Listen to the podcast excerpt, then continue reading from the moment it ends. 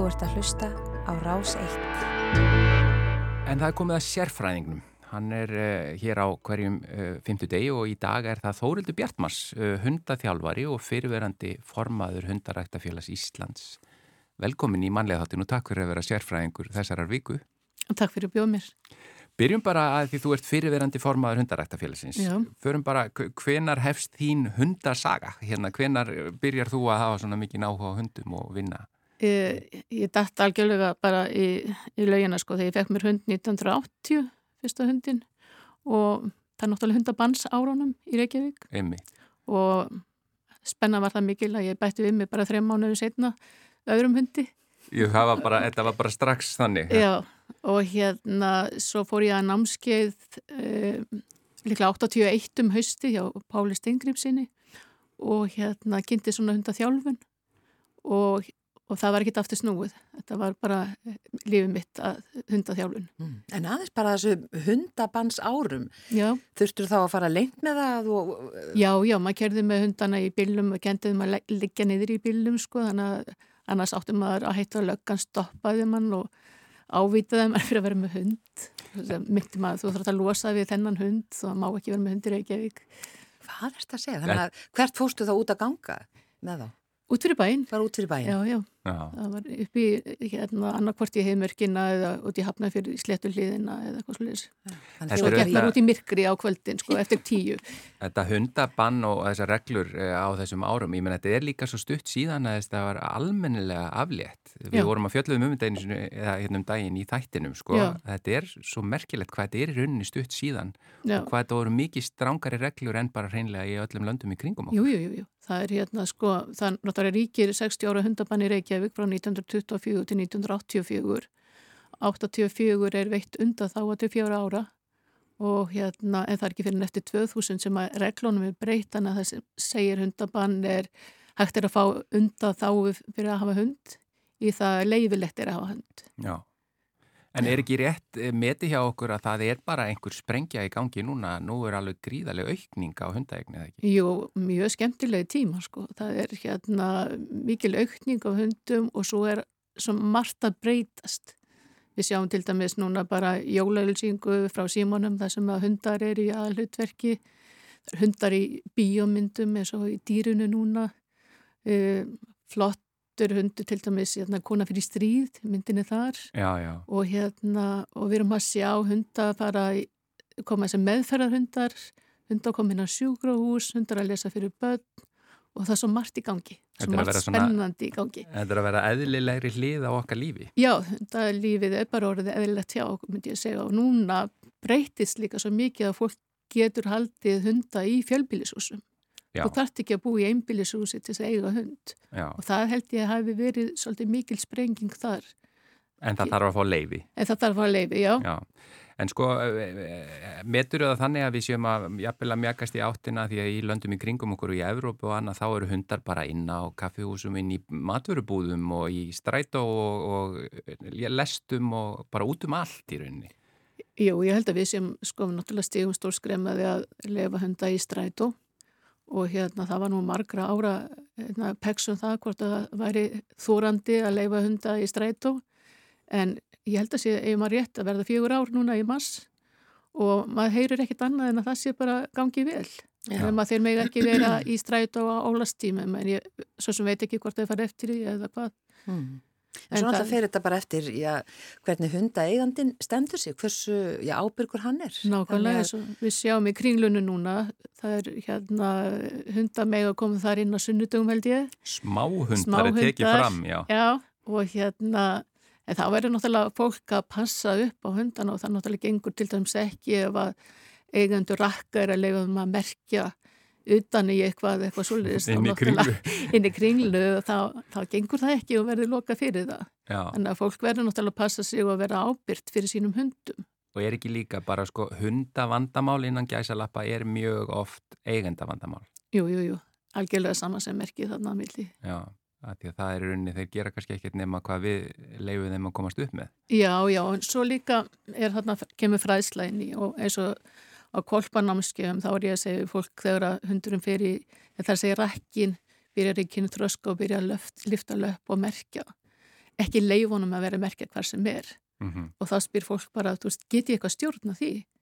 Jú, jú, þú getur stjórna því þú ótt ekki að leifunum að merkja utan í alla bíla eða alla stöyra og, og hérna, svo kannski bara ekst þetta, þannig að hundurinn fær leifi til að merkja, leifin að gæsa leppa til að merkja hvar sem hann vil við hefum ekki að leifunum að merkja hvar sem hann vil Mm. bara göngum á vissum stöðum og bara segja, þú þarfst að pissa og það getur pissaðu hér Já, uh, starfið ykkar þarna í hundaræktafélaginu, svona um hvað snýst það í gróðundrætt? Eh, Það er ættbóka fæsla hunda. Það er hérna hundasýninga sem er hansi stór þáttur í hérna starfi hundarættafélagsins og það eru svona ymsa deildir sem starfi í kringum hvert hundakinn. Það eru ungmennadeild sem er mjög öflug Þannig, að- og mjög flott starf að, að kynna sem sagt, eh, sem sagt fyrir úlingum ábyrgt hundahald og hérna að og vera í kringum hunda Mm. þjálfa hunda, undirbúaði fyrir síningar og sína. Landslið okkar var að keppa í, í síðustu helgi í Danmarku. Já, það er landslið hunda. Landslið sko ungra sínenda. Já, ég meina það. Já. Já. Þau fara sem sagt út og, og hérna, þau fá lánaða hunda til þess að sína. Af Því við munum óttalega ekki fara með hunda millir landa þess að koma með því sótt fyrir til að koma heim. Mm. Og hérna, og þessar stelpur sem byrjuðu, eh, stelpur, það er 95% held ég tilfellu sem eru stelpur. En hérna sem byrjuðu ungum sínöndum fyrir hvað, kannski 20 árið síðan, þar eiga alla hunda í dag og hafa haldið áfram að sína og eiga hunda og, og vera aktívar innan félagsins. Já. En við erum auðvitað í svolítið sérstakri stöðu hér, það er að segja á Íslandi á þessari eigu, að því að til dæmis í bandaríkjónum og í Evrópu víða og er fólk að taka hundana með sig jafnvel bara í flugvelar í ferðalög. Jú. En það er kannski ekkit vona því að það breytist hér, að við getum farið að fljúa bara með hundana í fríu og tilbaka aftur. Og... Já, e, það er nú búið að stýttað einangrunum talsvert, þannig Mm. að hérna, ég held að samt að sumur hófra til þess núna að geta verið kannski fjóra mánu að spáni og tekið hundi með sér með það að hann þarf ekki að vera svona lengi í sókví núna. Já, Þetta var mikið mál þegar sókvíðin byrjaði út í Hrísei 1990 að hérna uh, og var þar í þrjá mánuði. Einmitt. Að Þetta var Það heim er- mikið mál. Já, en sko, núna ef að það er svona mikil aukning á, í hundaeign, eh, hefur einhverjar áhyggjur að því að nú heyrum við mjög mikið að því utan úr heimi að fólk sé að taka hunda sem þeir kalla svona björgunarhundar eða rescue dogs úr skýlum þar sem að fólk hefur þar sé að hafa bara fundist uh, á ráfi hundar eða sem að eigendur hafa bara skýlið einhver staðar eftir eða eitthvað slíkt. Eh, Hafið þið áhyggjur að einhverju svona þegar það er svona mikil aukning? Ég held ekki vegna þess að það er hérna, það er svolítið langu bygglist eftir hundum. Þannig að fólk er ekki að taka núna hunda í ykkur skyndi ákverðun. Það sér kannski meira svona, kannski svolítið að stokka upp lífið sitt Já, og hérna, það er kannski langað í hund lengi og lætur slaga standa núna. En ég held þeir sem er í þessar skynda ákverðin, þeir ná ekki að fá sér hund áður en skiptum skoðun áður. Þannig að allavega þetta fólk sem ég er að hitta og verið að hitta þetta ár og síðasta ár hafa bara verið mjög ábyrgt og sér fyrir sér bara hundahaldi framtíðar held ég. já. Þetta er hættan þegar þetta er skyndi ákvörðun. Já, Já, ítla ígrundað. já. Já. Heyrðum, við erum með svo mikið af spurningum að við ætlum eiginlega bara að taka eitt lag núna sem er auðvitað hundalag. Já, glaðasti hundur í heimi sem við vonum náttúrulega að allir hundar séu svona glaðir. Já, þetta er Dóttar Gunni og vinnir hans og Friðrik Dór sem syngur og svo heldum við áfram með Þórildi eh, Bjartmars og þá eh, vörpu við fram spurningum sem hafa verið sendað til okkar.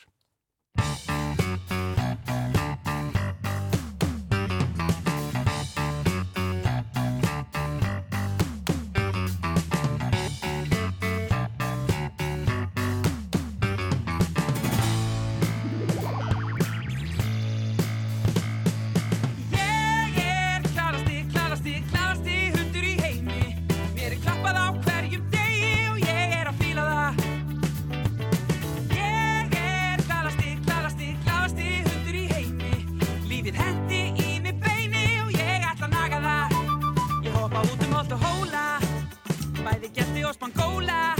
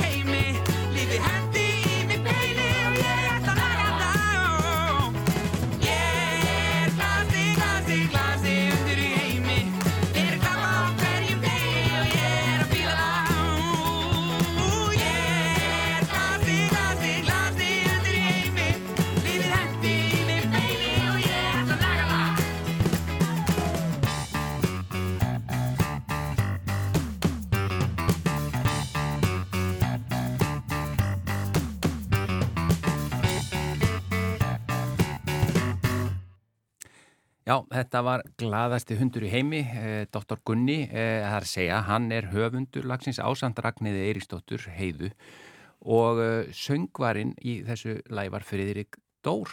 Eh, Já. Ekki lág tóntegundin þar, frekar en fyrir daginn. Neini, hann fer bara eins hátt og hann vill, Já. nánast.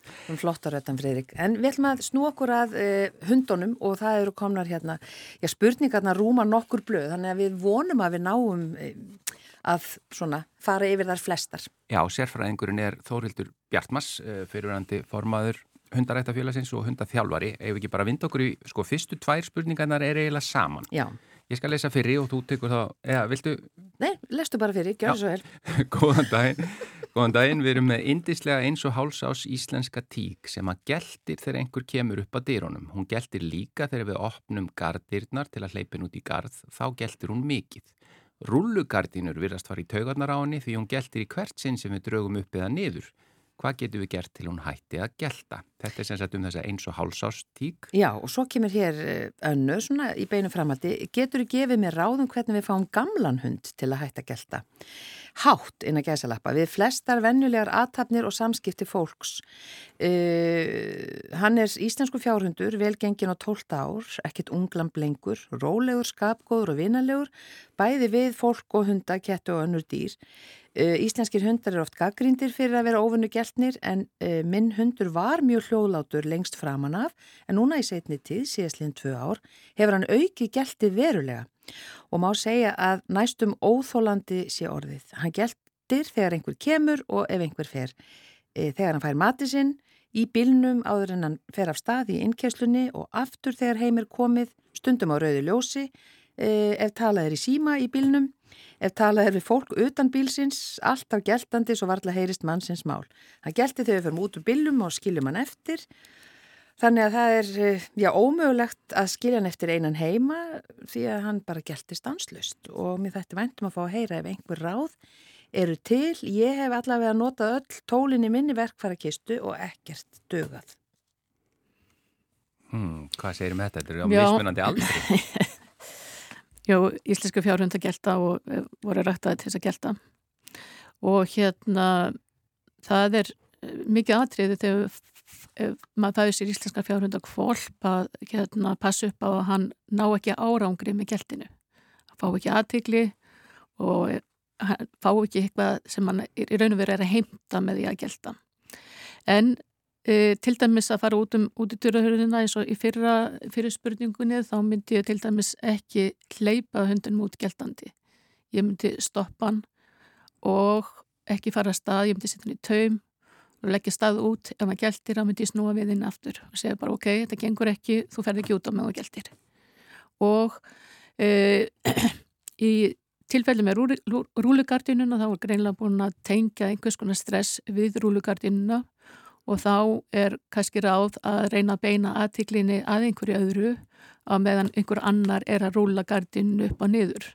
þannig að aðtiklinn fara eitthvað annað sem getur verið leikur, það getur verið að, að hérna týna nammibit á gólfinu eða eitthvað og kenna hundunum bara eitthvað stopp, eitthvað stoppmerki, segja bara ok, þú byrjar að gelta, þá kemur eitthvað stoppmerki sem segir bara ok, stopp, nú hættu þú að gelta.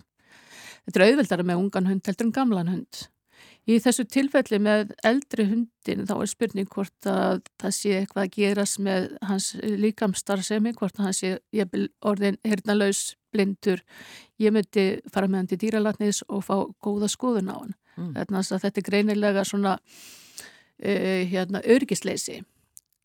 Sumt getum við kannski reynd að ráða við eins og til dæmis hann gelti þegar hann far matið sinn, ok, þú farði ekki matiðin eða þú ætlar að Uh, það er erfitt að stjórna því kannski að rauðurljósi að hérna sinna hundunum og að keira bíl. Þannig að hérna fyrst og fremst myndi ég fara með hundin, þennan eldri hund og láta dýralatni skoða vel. Mm. Hvort það sé einhvað sem hafi hreinlega bara breyst. Já, Já. Af því þetta verist vera eins og hún svona þegar þetta stoppar, þegar hann stoppar Já. í innkesslunni þegar hann ekkur að stað, að, veist, það er svona ákveðin já. reyfing sem fær hann til þess að gera Já, það er svona eins og, þetta virkar svona eins og svolítið örgisleysi, ert að fara frá mér, Mm. ert að fara út úr bílinn núna, ég vil ekki að þú farir, ef ég gælt að verður kannski áfram og eitthvað svolítið sko, það er láta vita af sér. En að ég veit að þú ert mjög fróðum íslenska fjárhundin eh, og þú sagðir á hann er ræktaður be- beinlinnis til þess að gelta, verandi fjárhundur. Já. Eh, en ég heyrði í gær, vinkonum mín sagði hérna, já, ég var til í hund sem að geltir ekki. Já. Er hægt að bara finna, er einhverja þá tegundir sem eru þekktar fyrir það að gelta ekki eða, Sem gælt allavega mjög lítið já, og hérna, og maður verður líka að passa að til dæmis gælt er oft teint einhverju stressi, mm, stress eh, aðstæðum, þannig að það er hérna, leið á hundurinn byrjar að gelta á við ykkur að vissara aðstæðu, þá verður maður bara að stoppa og skoða máli og segja, er ég að gera eitthvað sem að vekur upp geltið hjá hundunum og get ég gert það á einhvern annan hátt? Já, get ég breytt ykkur þannig að þess að oftast er það við sjálf sem þurfum að grípa inn í. Hundurinn kannski sko festist á ykkur munstri sem við viljum ekki og því fyrir sem við grípum inn í því auðveldar er, að bæja það niður. Já. já. Það er erfiðar að kenna eldri hundi. Já, eins og máltaki segir já, eh, hér er uh, önnur spurning. Ég á border collie tík þryggja ára sem er ekki félagslind. Eh, Þegar hún hittir aðra hunda af svipaðri stærð og stærri þá ræðst hún á þá. Þegar hún var á fyrsta ári leik hún oft við hund, laboratorhund á sama aldri en hún hefur svo þetta árið ekki hitt mikið aðra hunda og í gönguhópi border collie eh, eru oft 15-20 hundar og ef eigandi veitir öðrum hundi aðtigli kemur hún urrandi og ræðst á þann hund eins og hún sé að verja eiganda sinn. Hvað á ég að gera? já, það er hérna maður verður náttúrulega stoppa það að hundurinn mann ráðist á aðannan hund og hérna það er í þessu tilfelli það sem að hérna eigandin er að kannski klappa öðrum hundi eða veita öðrum hundi aðtikli þá má kannski bara vera búið að setja tíkina í taum og byggja ykkur og annan um að halda í hana á meðan eigandin er að sinna sem sagt eða spjalla við hvað getur, getur sagt skoða annan hund. Já, þannig hún, við stoppum hana í því að ráðast á annan hund. Mm. og það er ekki tækifæri til þess. Er þetta, sko, er hún að verja eigandan eða er þetta afbríðisemi? það getur verið bæði sko. Það er, það er hérna eitthvað sem að hérna vekur upp þessa hvað sé, þessa hegðun sem Mm. að kannski, maður veit ekki nákvæmlega, nákvæmlega hvað það er hverju sinni sko. En mikilvægt að stoppa hana mikið vart að stoppa hann hundur á ekki að fá, fá árangur í því að ráðast á annan hund og ef maður veit að því þá verður maður bara að grípa í taumana mm. segja bara ok, þetta gengur ekki hún fyrir taum og forðast að koma inn í þessar aðstæður en er þetta meina forðast að koma í það aðstæðar að hitta aðra hunda eða? það, það er alveg spurning hvort að hundurinn hafi eh, sko fyrir hvert gangan er er, er hérna gangan fyrir eigandana því að gaman að hitta aðra bortikóli eigendur. Mm ef, ef að til dæmis tíkin greinilega er, líður ekki vel með öðrum hundum þá er spurning eh, er betra bara að fara einn í göngu. Já, já, Akkurat. Eh, Önnur spurning, komið sæl, ég á rúmlega eins árs Labrador tík, hana ösku. Hún fær til skiptis, soðna lifur, hjörtu, svína og lambakjöt og slátur sem ég bý til sjálf. Hún er ekki hrifin af innfluttu hundafæði en lætur sér hafa það stundum. Hver oft á dag er best að gefa hundum að eta? Hún er í ágætum holdum en ekki óeðlilega feitt. Og hvað er eðlilegt að 19 mánuða tík sé þung? Við hjónin erum komin á þann aldur að við erum hægt að vinna. Þess vegna eru aðstæður þannig að hún er aldrei ein og á ekki við hegðunar vandkvæði að etja. Hún fer inn og út úr húsi þegar henni líkar. Er mælt með því að maður eigi tvo hunda svo aska hafi félagskap? Já, Þetta eru nok- nokkrar Þetta eru spurningar. nokkra spurningar, já. Já. Eh, Lafróta tík á þessum aldri rétt að verða fullorðin hundur eh, er sem sagt ykkur kringu 27 kíló. Eh, á þessum aldri þegar að hundar hafa náð eh, yfir einsásaldurinn þá er allt í lægi að gefa þeim einu sinna dag en það er betra að sagt er að gefa þeim tvisa sinna dag að nýta fóðri betur. Já. Uh, ég persónulega myndi ekkert vera að gefa ómikið af, af hérna innmatt og, og hérna halda með við hundafóður. Uh, tilbúið hundafóður, næringaríkt, sérfræðingar, dýralatnar, næringafræðingar eru algjörlega búin að reyna út hvað þessir hundar þurfa og hérna nota það frekar svona slátruð og lifurina í að ég vil bara sitja henni í litla bita og henda út í garð þannig að hundurinn fái verkefni við að leita í garðinum að bitum og, og þá hefur hún aska verkefni yfir daginn. Mm. Eh, hvað var aftur fleira spurningar Já, svo er þetta með hérna... Það er tvo hunda, Já, jafnvel. er mælt á- með því Eh. upp á félagskapin. Svona já og nei, ég held að hérna eh, ef, ég ma- eh, ef hundurinn er einn heima allan daginn þá er kannski betra að jú séu tveir hafa félagskap að hverju öðrum. Eh, ef maður vinnur kannski heima við þá er nóg kannski að hann sé í félagskap við engandan sem fer með hann í göngutúra, jafnvel á svona opin hundasvæði þar sem hundurinn getur hitt aðra hunda. Ef þú ferð sama tíma dagsins á ákveði svæði þá ertu mikið að hitta sömu hundana Mm. sem hundurinn leikur sér með. Og hérna tveir hundar er, jú gaman eiga tvo hunda en það er ekki alla að eiga tvo hunda, við þurfum við þurfum starri bíl kannski, Já. kostar meira Já. Já, já. og hérna Og meira hugsa um bara. og meira hugsa um Sérstaklega ef hundurinn er auðvitað stór. og hugsa, ef hundurinn er stór dýralæknar kostnaður er meiri Já. og hérna, og ímislegt sem við þurfum að huga. Sko, í- aðeins hérna í framhaldi af þessari mataræði spurningu hérna með þurrfóður eða ekki. Hérna er spurning, halló, nú heyrir maður svo margt í sambandi við mataræði hunda. Við erum með labrador kvolp og sumir segja að ég bara gefa hundunum þurrfóður og vatn, ekkert annað.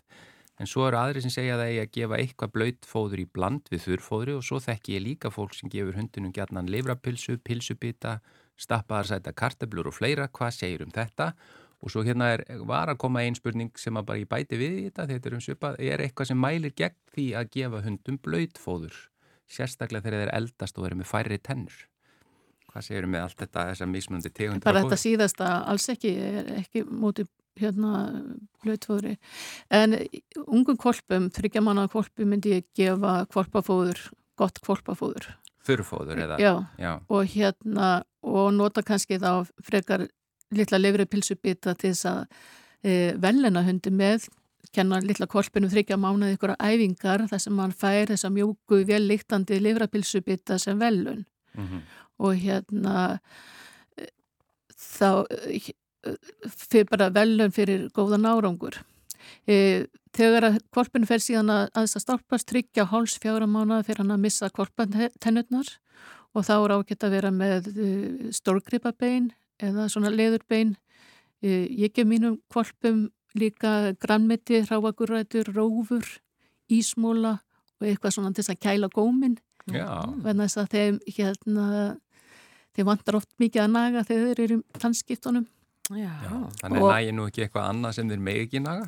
já, og rama snúrur og sluðis Já. Ég hef En nú mist fallega spari skóin mitt á þessum aldri sem ég döðsi eftir enn þetta í dag. Já, já, en svo þegar kvolpinu fer svona e- eftir þetta svona um tannskiptin þá fer ég líka að læða ykkur um öðrum mat í skálina ef ég á, til dæmis ef ég er með nautahakka og kannski teki eina matskeiða hakki og sitt saman við matin ég nota kannski svona enda ost, þið vitið sem brotna frá uh, hrísgrjón pasta og bara hérna ókrita kjöt Já. bara í litlu mæli, eða þú veist, í litlu mæli miðvinótt hvað hundurinn er stór, hvað mataskamturinn er stór. Já, það er þetta mjög mismunandi stærða. En, en þessar stöppuðu kartöflur, það- Já, sætar Er það í lagi? Sko, ég veit það ekki, hvað, ég þetta ekki sko. Ég sitt sjálf, ef ég stappa sæta kartöflu þá sitt ég læm saman við og ég get ekki ímynda mér að það fari vel í hundin sko. Já, allan líklega ekki En með það er læm. kannski leið til að láta hann hætta að borða sæta kartöflur, skella smá læmi út í. Heyrðu næsta, Já, um, nú man ég ekkert hver var að lesa hérna síðast. nummið 5. Númer 5. Já, ég er komin aðra blæðsju.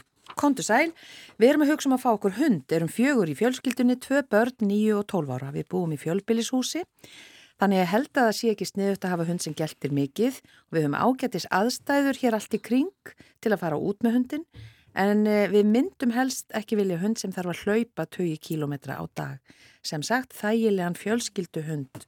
Hvað tegund myndir þú mæla með? Já, það eru nú fint að fólk hugsa vel málið og undirbýr sig og hugsa er, hver er þarfi fjölskyldunar.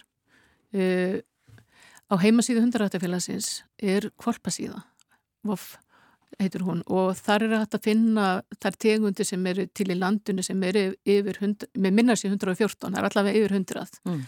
og hérna í tegundahópi nýju eru smáhundar, selskapshundar sem er ræktað til þess eins að vera selskapshundar Mm.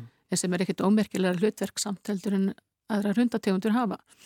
Og þessar tegundir eru mjög heppilegar fyrir fólk sem býr í fjölbýlishúsi, langa til þess að eignast hund en gerir kannski ekki mikla kröfur til útivistar eða þjálfunar. Og hérna, þannig að ég myndi skoða þessa síðu, skoða myndir, vilja snöggharðan hund, vilja síðharðan hund, hafa samband við ræktendur og hérna skoða. Ef það væri núna opnar hundasýningar eins og venjulega árferði, þá myndi ég bara benda fólki að fara hundasýningar og hitta það ræktendur að spjalla.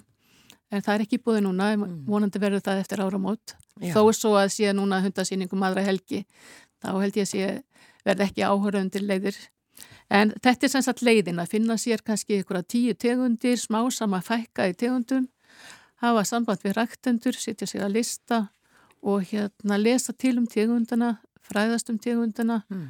og hérna síðan hjálpar ræktandi e, við að velja kolpa. Þess kolpanir eru mismunandi í gótinu sem eru ákveðinir aðri létrætnir og það er hlutverk ræktandans líka að finn, para saman rétta kolpin við rétta eiganda. Já, þannig að þess karakterin kemur strax í ljós. Karatin kemur fljótt í ljós og það er hægt að meta núna með skapgerðamati. Mm. Hundaþjálfar fari heimsótt til ræktenda og meta kolpana með tillit til skapgerðar. Já, Nú kefti ég til dæmis uh, hvítan séfir í Danmörku. Uh, þar fættust sex kolpar í goti og hérna, það voru sex uh, vandalegir eigandur sem voru látni vita. Þú farð kolp en þú veist ekki fyrir náttundu viku hvaða kolp þú farð. Af því að nú notum við tíman til að hérna, finna út hvaða kolpur hendar best hvaða fjölskyldu. mm Þannig að svo fara fjölskyldun að koma í heimsótt og þá eru það heldur ekki einblýna á neitt eitt kvolp, heldur tala við alla kvolpana og kynast öllum kvolpanum þannig að allir græða því sjálfu sér. Þannig að það er í rauninni bara ræktandin sem á endanum velur hver fara hvaða kól. Já. Já. Þannig að bara- fjölskyldan, hún far kannski að aktífa hundin. Já, já, já, já. Þetta, þetta er mjög sniðut. Já, og þetta er að koma meir og meir inn held ég þetta hjá okkur líka. Sko. Já. Hérna er spurning, er betra að hundurinn finni sér einn húsbónda á heimilinu? Er það betra að geta, uh, eða geta við, fleiri verið húsbændur? Ég heyrði einhver staðar að hundurinn þyrfti að vita sinn stað á heimilinu, hann er neðstur í röðinni því annars er þann leiðilegur og frekur. Já, ég veit ekki hvort maður leiðilegur og frekur og mér finnst sumir hendar sem eru frekur mjög skemmtilegir. Já, Ég á eitt slíkan íslenska fjárhund. já, já. Og frekur fað fæðingu og ég vissi þegar ég tók hana að vera frekur. Já. og mér fannst það bara skemmtilegt að, að, hérna, að díla við það sko. En uh, það er mismunandi, þetta er svolítið tegundabundi líka. Uh, við erum með þessa svo kalla einsmannsunda eins og bordikóli, sjöfer og hlið sem að velja sér yfirleitt einn húsbúnda. Uh, en það er ekki þar með sagt að hann sé neitt uh, uh, fráhrindandi við aðra heimilinu en það er einni sem sagt þessi sterkasti. En hundar eins og til dæmis labrótor er svona hundar sem eru allra, þessi fjölskyldu hundur, Mhm. típiski fjölskyldu hundur sem að vill vera með öllum að heimilinu, einhver sem að bara brosir eða sinnir honum, hann er til í að vera með. Þannig að það er ekkit, eh, ekkit áriðandi að sé ykkur húsbóndi hundsins. Það er eins sá sem að gefur honum að borða, sá sem fer með hann út, sá sem þjálfar hann er yfirleitt nummer eitt hjá hundunum. Hvort sem við það köllum það húsbónda eða leitó eða hvað við viljum kalla það. Já. Byrjuð en það var einhver annar hluti að spurningunni um að það ekki... Já, uh, sem sagt, þarf hann að vita sinn stað á heimilinu, sem sagt. Já, var eiginlega með frekjuna sko. Já, já, er svona flestur hundar, 90% og yfir 90% þá gengur þessu bara almenna þjálfun í, í daglegur umgengni, sá sem gefur honum að bára og svo leys, Mm. uh, hundunum veit sín stað í fjölskyldunni. Uh, það er kannski einn og einn hundur sem þarf að grípa til ykkur annar að ráða, en það er frekar undatækning heldur, heldur en hitt. Já. Við verðum eiginlega bara að stoppa núna. Já, og- við þurfum bara og kannski láta að fá þetta þig duga. Við þurfum eiginlega að fá þig aftur. Já, því við fengum eh, bara og vorum ennþá að fá inn spurningar við náðum því miður ekki að koma öllum að en við, þú náður að svara samt svona efnislega flestu sem að fólk var að tala um. Já, vonandi. Já, þannig að Þórildur Bjartmars, þakka þér kærlega fyrir að vera bara eh, sérfræðingur, hundasérfræðingur þáttarins. Takk fyrir að bjóða mér. Þú ert að hlusta á Rás 1.